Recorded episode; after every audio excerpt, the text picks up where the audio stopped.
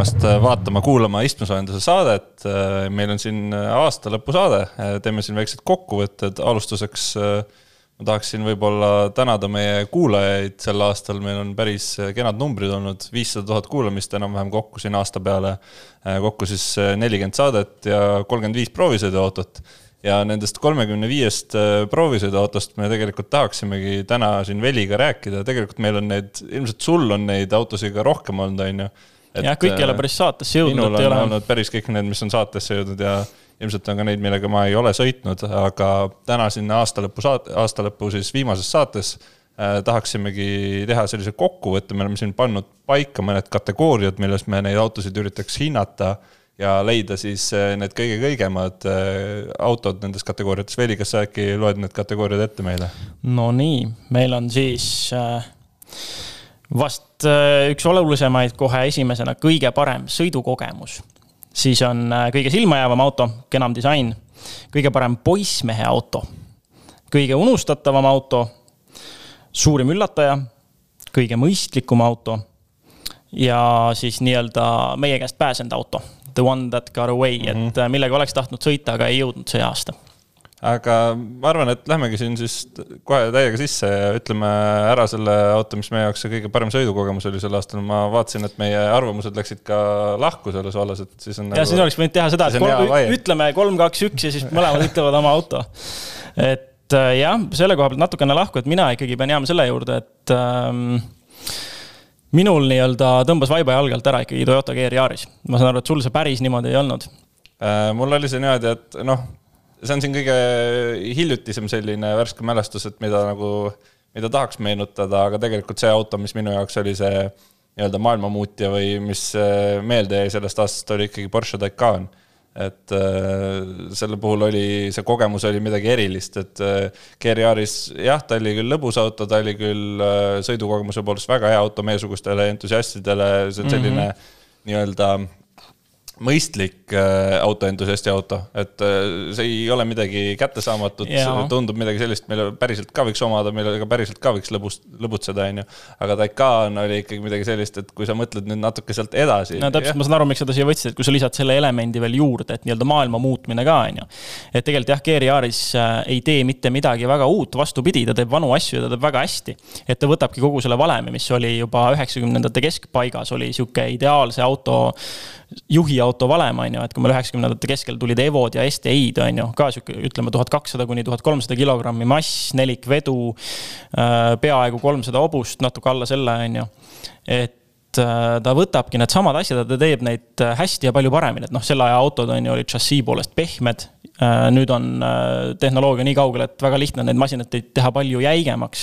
Äh, veermiku tehnoloogia on edasi liikunud kõvasti, ühesõnaga tulemus on lihtsalt see, et vanad asjad väga hästi, Taycan võttis, tegi midagi uut ja teeb seda väga hästi seni elektrilistest sportautodest minu no, arvates ka minu jaoks on veel see nagu kogu kogemus, et üks asi on mm -hmm. see mhm. sõit, puhtalt nagu tehniline sõit, on ju. aga teiselt poolt on ka sõit kui elamus, et kui me võtame seda, missugune on kogu see interjöör, on ju, kui me mm -hmm. võtame seda, kui silmapaistev see auto on, kui me võtamegi selle, et see on täis elektriline selline selles mõttes ka on ju muutev. et siis on ikkagi minu arust Taycan jääb ikkagi peale selles vallas mm. -hmm täiesti, täiesti saan aru, miks seda valisid. ei, Taycan mulle ka väga istus ja tõesti kõige parem elektriline sportauto siiani, millega mina isiklikult sõita olen saanud. aga nüüd räägime silmailust, ehk siis kõige silmajäävam auto ja mul oli siin vallas võib-olla mingisugune seos ka sellega, et kui palju me nende autodega aega veetsime ja üks auto, millega me saime nagu päris, päris kõvasti väga erinevates tingimustes, väga erinevatel päevadel aega veedetud, oli Alfa Romeo Stelvio Quadrifoglio mm. -hmm. ja minu arust see on ka selle nimekirja, selle kolmekümne viiest autost äh, koosneva nimekirja kõige silmapaistvam auto just disaini poolest, selle poolest, et see on auto, mida sa ei näe Eesti tänavatel kogu aeg, jah, muidugi võiks siia nimekirja panna ka äh, need teised samad autod, mida me siin just mainisime mm, -hmm. eriti just Taycan on ju, et ta on kõik silmapaistev, aga, aga Quadrifoglio jääb silma, eriti kui sa tead, mida see ristike seal külje peal ja taga tähendab, siis, siis see on ikkagi midagi sellist jah, ja kui sa vaatad veel seest kogu seda efektsust, mis mm -hmm. seal on mhm. nagu loodud äh, selle süsinikkiu ja, ja see punase nahaga, siis mm -hmm. see on mhm. efektne kindlasti. ja noh, mis me seal oma arvustuses kunagi vist ütlesime, et vähemasti ma mäletan, mina ütlesin, et äh, vaata et kõige, vaata et ainuke väga ilus linnamaastur üldse, et kindlasti kõige ilusam linnamaastur, mis seni on saada olnud, et et äh, alfa insenerid, alfa disainerid, nad lihtsalt oskavad, ma ei teagi, mis, äh, mis pähkli nad katki on hammustanud, aga õigesti on nad seda teinud ja tõesti väga ilus auto. mina omalt poolt panin jah, siin jälle arvamus läks selle koha pealt lahku, et mis võiks silmajäävad äh, masinad olla. ja mina siis otsustasin siia hoopiski nimetada Taycani ja sinna kõrvale ka ühe masina, millega ma tean, et sina kohe kindlasti nõus ei oleks. ma panin nad isegi selles mõttes nagu erinevatel põhjustel samale pulgale, et nii Taycan kui Honda E mm. -hmm. mõlemad disaini poolest mulle meeldivad ja väga kõnekas on see, et äh, tegu on elektriautodega.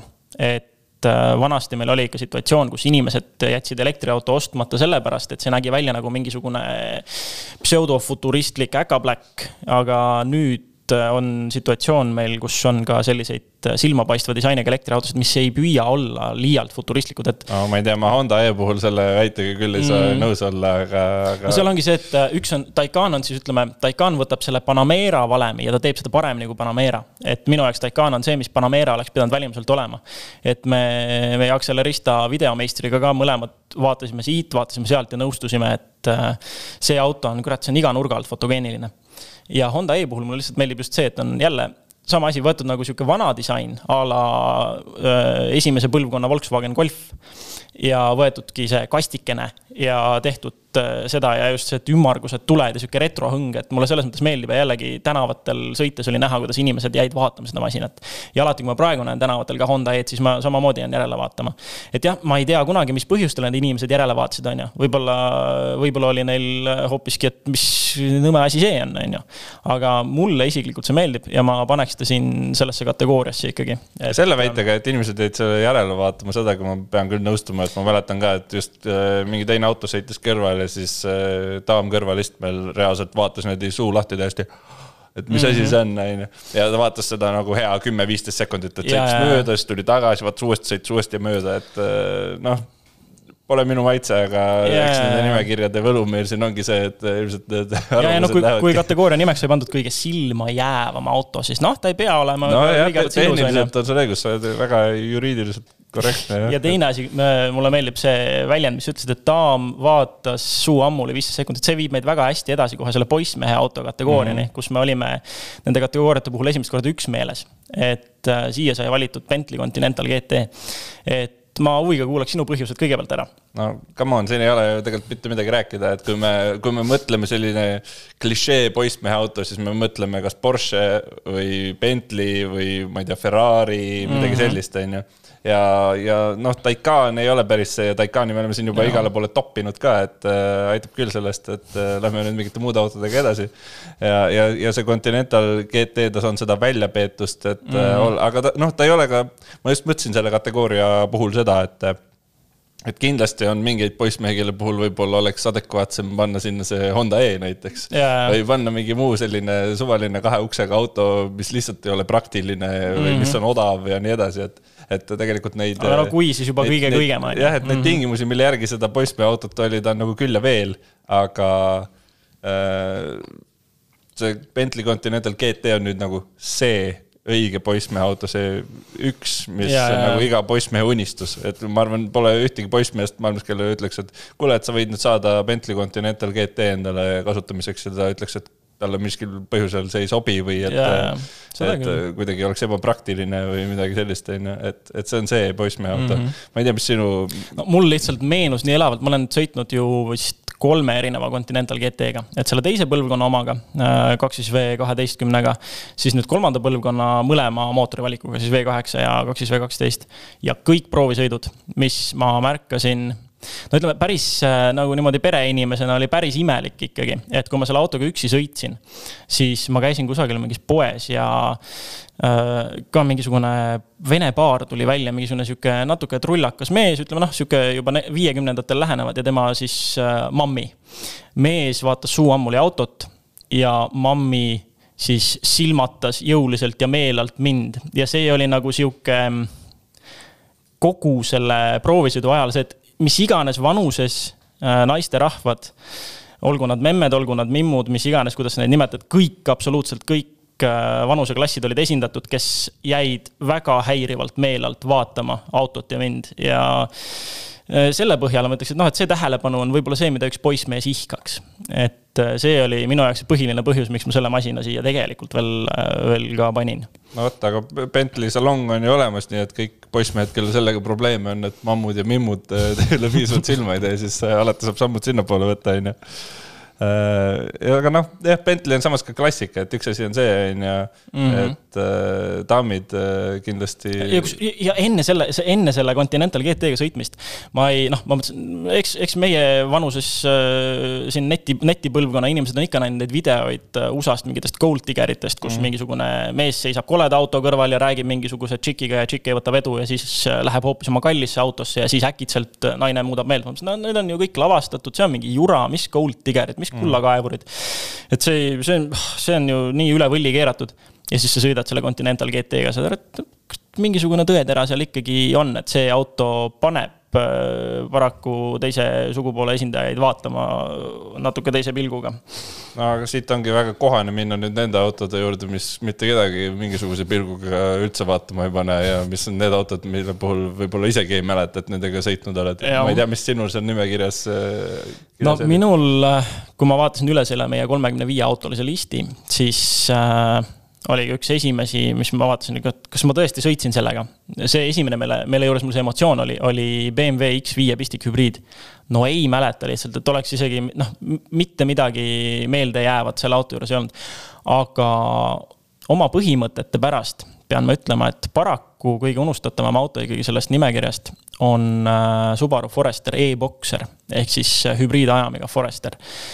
et ma saan aru, siin on lihtsalt mingisuguse siukse äh, klassikalise Subaru mehe vimm nüüd selle hübriid äh, Subaru vastu. mitte hübriidi kui sellise, vaid ähm, kuidas ma siis seda kõike kokku võtan, jah, Subarist olen ma hingelt olnud pikalt, on ju, aga, ja noh, ja paraku ongi kurb näha seda, et Subaru nende põnevate autode pärandit vaikselt mm -hmm. nagu alla tõmbab teine on see, et võtta Forester, mis ikkagi on olnud äh, ka tegelikult noh, ükskõik, et ikkagi linnamaastur, siis tal on seda maastikuvõimet olnud, et maastikurehviga äh, olen, äh, on endalgi tuttavad, kes on igasuguseid lolluseid metsas teinud ja pole kuskile kinni jäänud, et äh, esiteks vaata see masin, mille isegi viimane põlvkond oli ikkagi, kui sa vaatad nagu eest ja tagant, siis need lähenemisnurgad, see nii-öelda lähenemis ja peale ja mahasõidunurk on ikkagi suhteliselt, suhteliselt hea, et sul on need telgede ülendid siis nii-öelda on äh, diagonaalis et sa saad nagu minna mingisugusele tõusule ja uuesti sealt tõusult äh, uuesti mingile langusele, et sa saad nagu mingeid takistusi ikkagi läbida, kui sa peaksid seda tahtma. ja nüüd siis selle e-Boxer äh, viimase põlvkonna Foresteri juures üleüldse on need ülendid tehtud siis sirgeks, maaga tasa, horisontaalseks. no näed, aga sa ei saa öelda, et see on kõige unustatavam auto, sest midagi sul on ikkagi meeles. no eh, nii ja naa, see, ma ei ütleks, et see on midagi, mida ma tahaks, et mul selle kohta nagu väga meeles oleks. et sõiduelamuse poolest samamoodi, ma äh, mitte ainult proovisõidu käigus, vaid meil oli ta ka ühel videoprojektil äh, siis äh, toetaja auto, kus me sõitsime siis temaga igast teid läbi ja kogu selle aja jooksul äh, ja kui palju ma seda masinat tankima pidin. ma sain aru, et see hübriidajam minu jaoks ei õigustaks ennast kuidagi ära mm. -hmm. et äh, see kõrgem hind ja tegelikult mitte, mitte nii väga langenud kütusekulu äh,. ei noh, ja pluss veel see puuduv sõiduelamus, et sul on see CVT kast, mis on lihtsalt sihuke nagu veniv kummipael, siis ähm, see, see, sealt ei olnud seda sõiduelamust, mida võiks oodata ühelt äh, Subarult no ma, ma, ma, ütlen no... ikkagi ühegi ühe siukse ehtsa Subariku probleem on see, et sul lihtsalt tehti üks Subaru, mis sulle võib-olla ei meeldi nii palju. ei no aga kui sa vaatad üleüldse, kuhu bränd läheb ja kui ma olen siin sõitnud ka on ju X-V-de ja uute, uue Impreza ja pff, Outbackide kõigi nendega, mis on, siis ikkagi noh väga tervitatav on see suund äh, turvalisuse poole, mille Subaru on võtnud.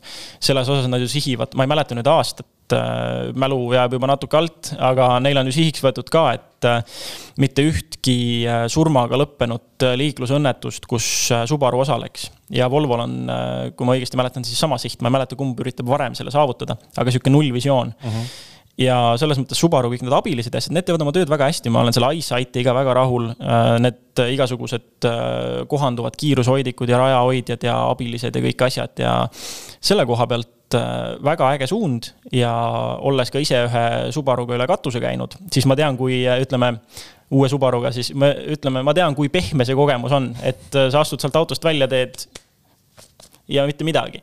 et äh, ongi jäik, turvaline ja pehme kogemus, ütleme siis, kui midagi juhtub aga, aga jah, see, et sealt see sõiduelamus on nagu välja väänatud selle käigus, et natukene ongi see, see on see, miks ma selle auto siia unustus, unustamisväärsete autode hulka rohkem valisin kui näiteks BMW X, X5 pistikhübriidi.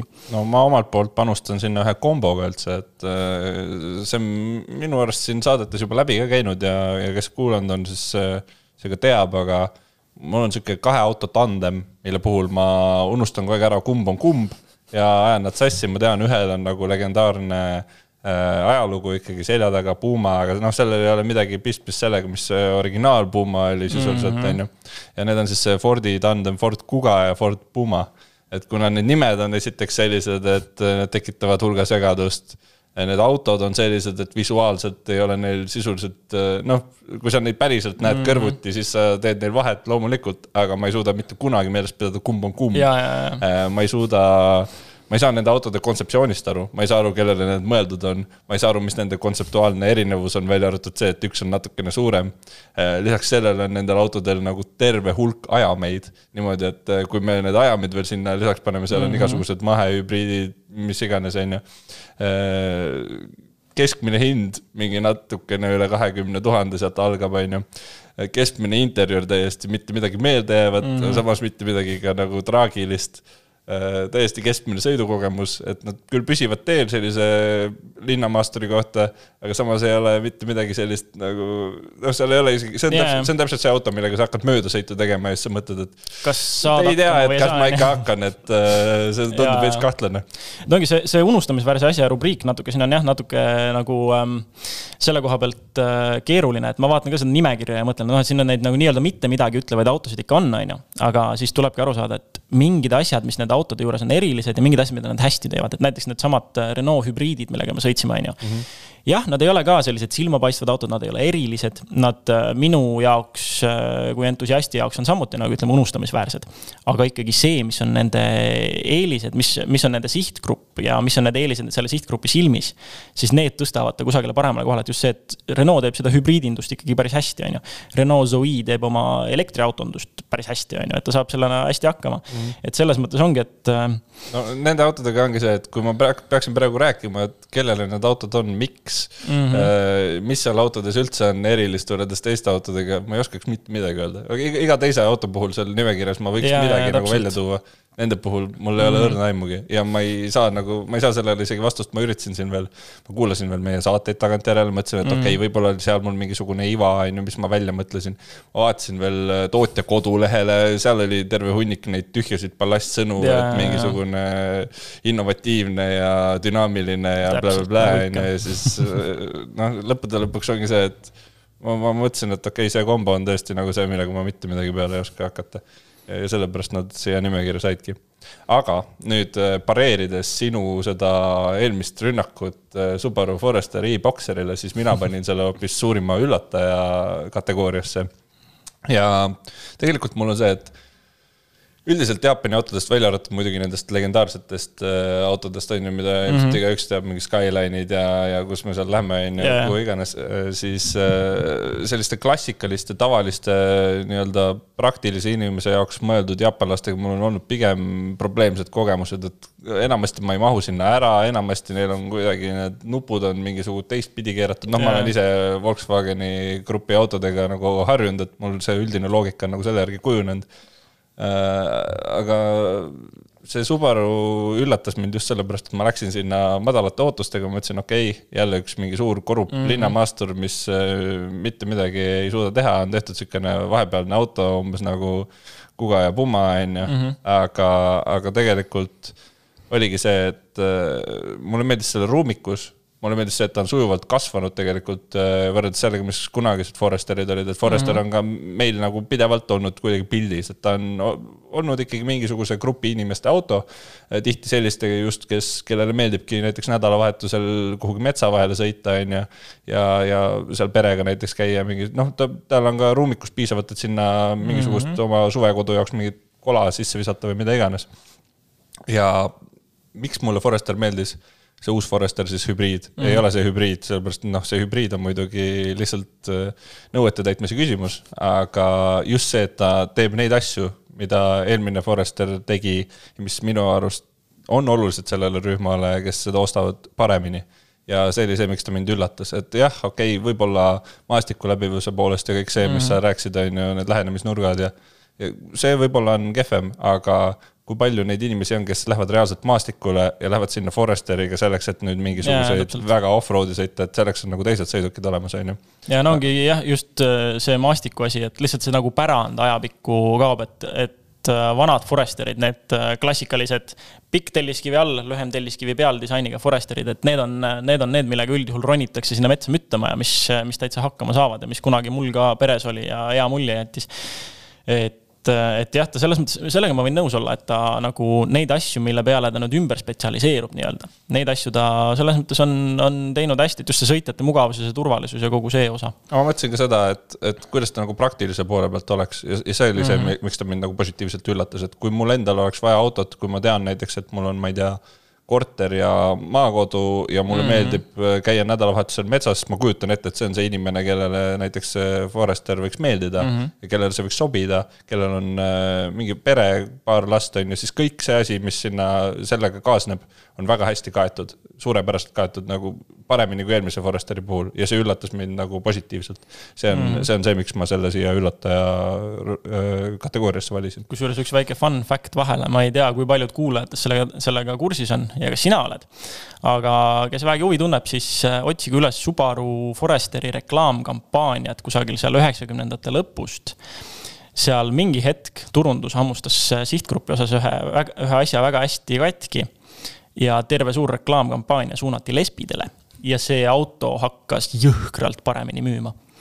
et äh, seda võib uurida, kellel vähegi huvi on no,. tundub, tundub, et sa siin äh, vihjad nagu minu kohta midagi, aga ma lasen sellel praegu minna, et äh, kuulan, mis su üllataja oli, vaatame, kas mul on ka mõni lesbifakt kuskilt varrukast võtta. jah, sest noh, ütleme, et väga sihukese sirge mehe auto ta tingimata ei pruugi olla, et minu jaoks suurim üllataja oli Honda Jazz mm ja noh, nüüd see, meil oli siis hübriidversioon ja, ja selles mõttes, et see tegelikult ma isegi ütleks, et see on osa sellest, miks ta üllataja oli, et meile nagu ikka proovisõiduautod antakse esindusest täispaagiga ja no ma proovisin sõita seda kütust seal vähemaks, ma tõesti proovisin.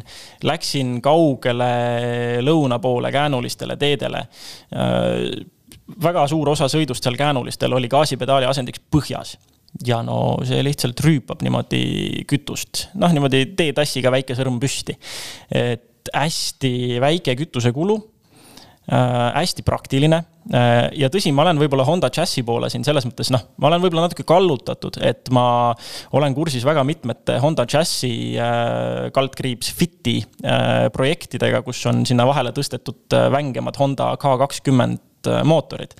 ja nendest on ehitatud isegi rajaautosid. Äh, see ongi väga imelik näha peab ikka tahtmist olema. Aga, aga neil on selles mõttes nagu ootamatu ongi see, et neil tegelikult juhitavus on jumala hea. Ja ka see mm. saade, kui me Honda Jazzi hübriidist rääkisime, ma tõin sellesama juhitavuse aspekti välja, et äh, ootamatult nauditav käänulistel teedel, et et üks nendest autodest jälle, et jah, ta ei võta nagu väga isukalt hoogu üles ja see ei olegi tema võlu, aga see, kuidas ta seda hoogu hoiab kurvides hea rehviga, on äh, väga lõbus. ja see, et ta on praktiline ja seal oli ka vist mingisugune sihuke väike huvitav fakt, mis oligi vist ka eelnevatel, äh, eelnevatel džässidel juba, et neil on ju taga, tagaistujate jalaruum, see põrand on sile ja sa saad need istmed panna niimoodi, et sa saad nagu kogu põrandaruumist üles-välja midagi laduda, et a la mingisuguseid potitaimi umbes või midagi, et sa saad minna kusagile, kusagile a la, ma ei tea, Juhani puukooli ja laduda selle auto puid täis ja vedada koju ja istutama kukkuda. et see nagu praktilisust on ka, et need istmed käivad ägedalt kokku, seal on hästi palju ruumi erinevate asjade vedamiseks.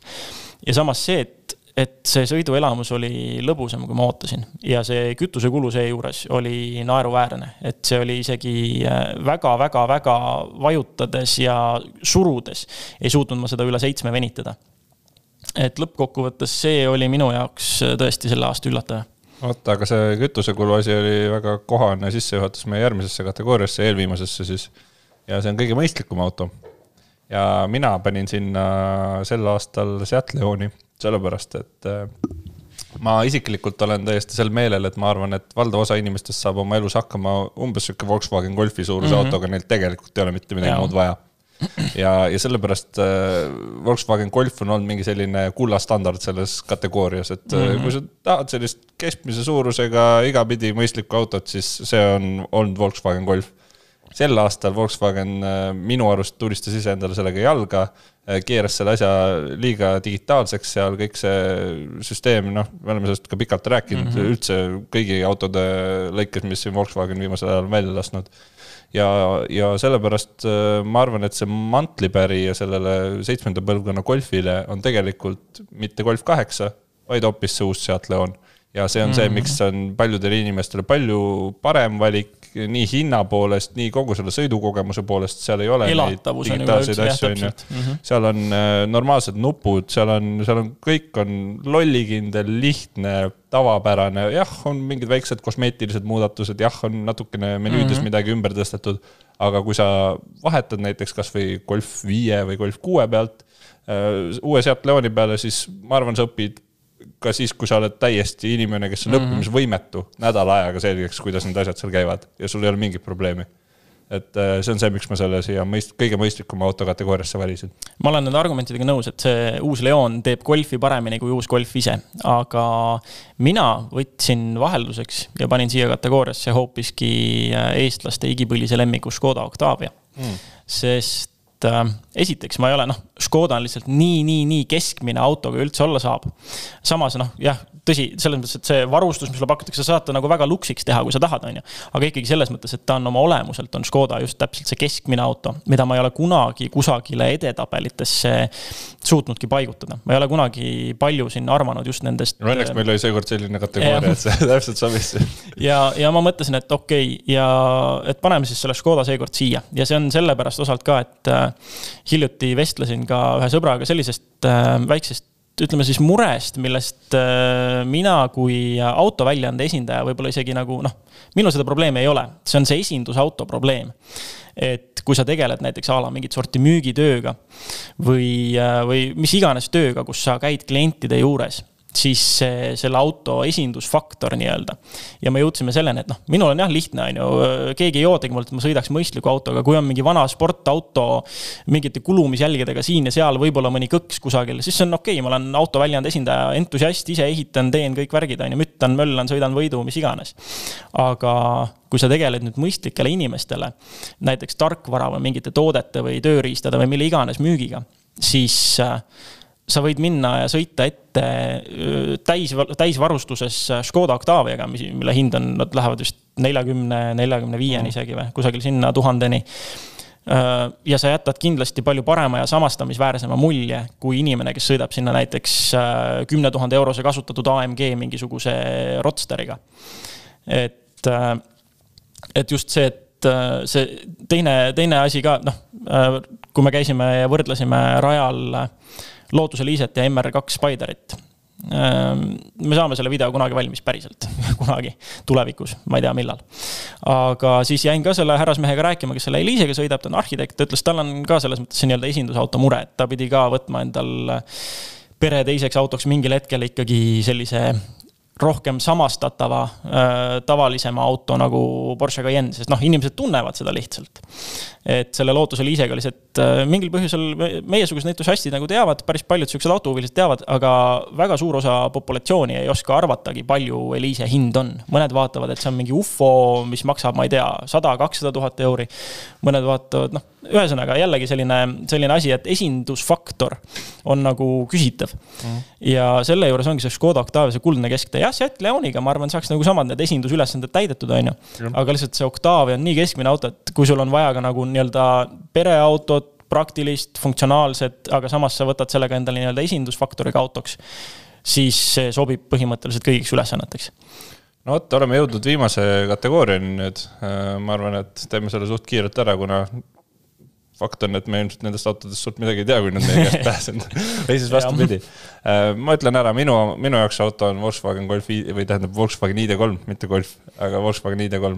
ja see on sellepärast, et on palju ikkagi räägitud sellest, et see mm -hmm. auto toob selle revolutsiooni ja kuna meil on see aasta neid elektriautosid, noh, ma arvan, see aasta jääbki autoajakirjanikele nagu kahest perspektiivist meelde. üks on see, et vahepeal oli nagu räme crash kogu autoturul mm. -hmm ja teine asi on see, et elektriautosid tuli sel aastal nii palju peale, et uskumatu. ja see ID3 on nagu selle koorekiht ja mul on nii kahju, et ma ei ole selleni veel see aasta jõudnud, ma järgmise aasta alguses kindlasti jõuan selleni, kuna see on nii oluline auto ära proovida. ja ma saan aru, sina oled sellega juba ära proovinud mm, -hmm. aga ma ei ole selleni veel siiamaani jõudnud. ja, ja see on see auto, mis minu jaoks nagu ootab veel. okei okay., jah, ma selle auto kohta midagi ei ütleks, mina hoopiski äh,, mina hoopiski panin siia sellise masina Äh, mis ma arvan, et ongi meie esi-, järgmise aasta esimesed kaks proovisõiduautot põhimõtteliselt paigas. mina nimetasin siin ära Cupra Formentori. ja kuigi ma ei ole kiirete linnamaasturite fänn, kui välja jätta Stelvio Quadrifoglio, mis oli täiesti, see oli väga hea. aga, aga Cupra Formentor, mis on siis äh, Seatist lahku löönud Cupra divisjoni, nüüd siis Cupra kui täiesti eraldi brändi esimene päris oma auto ja kuigi me oleme sõitnud siin Cupra Atekaga, on ju, ma, ma olen va kunagi varem sõitnud ka teiste Cupra märki kandvate Seatidega, siis mind ikkagi, ma ikkagi huvitun sellest, et kuidas see Cupra Formentor siis eristub äh, muudest äh, Volkswagen Grupi masinatest, et äh, et enne oli ju Atekaga oli see, Atekaga oli see mure, et ta oli hästi sar-, sarnane T-Rock R-ile mm. ja noh, ja üleüldse teistele Volkswagen Grupi nendele kiirematele masinatele, et noh, ikkagi samad mootorid, veoskeemid, kõik asjad, hästi palju juppe on üle kantud.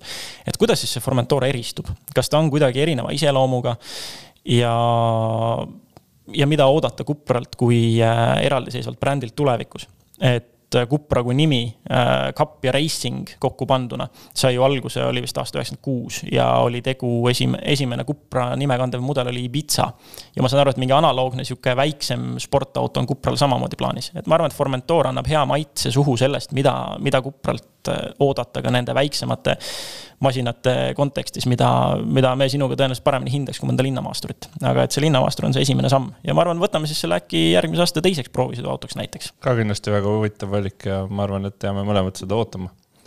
aga nüüd ongi see meie aasta lõpusaade siin äh, ka oma lõppu saanud ja mis siis ikka, kui et äh, näeme-kuuleme uuesti juba järgmisel aastal ja vahepeal võite minna visata pilgu meie Facebooki, meie Instagrami, lihtsalt istmesoojendus kirjutate sinna ja ilusti tulevad kõik need asjad välja, sealt saate vaadata, me paneme sinna igast visuaale, vahepealseid asju ja kõike muud. et äh, ilusat tulevat aastat siis teile kõigile ja aitäh, et olite meiega. suur tänu